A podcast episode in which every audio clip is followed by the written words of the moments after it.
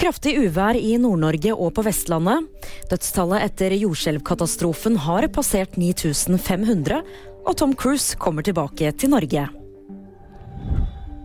Det har vært vanskelige værforhold både i Nord-Norge og på Vestlandet onsdag. Sterk vind og uvær har ført til stengte veier og broer. Veitrafikksentralen melder også om knekte stolper, trær og løse gjenstander som flyr som følge av vinden.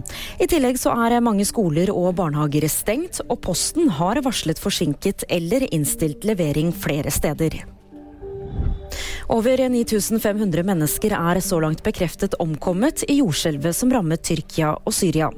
Flere tusen er skadd, og et ukjent antall mennesker fryktes å ligge under ruinene av sammenraste bygninger.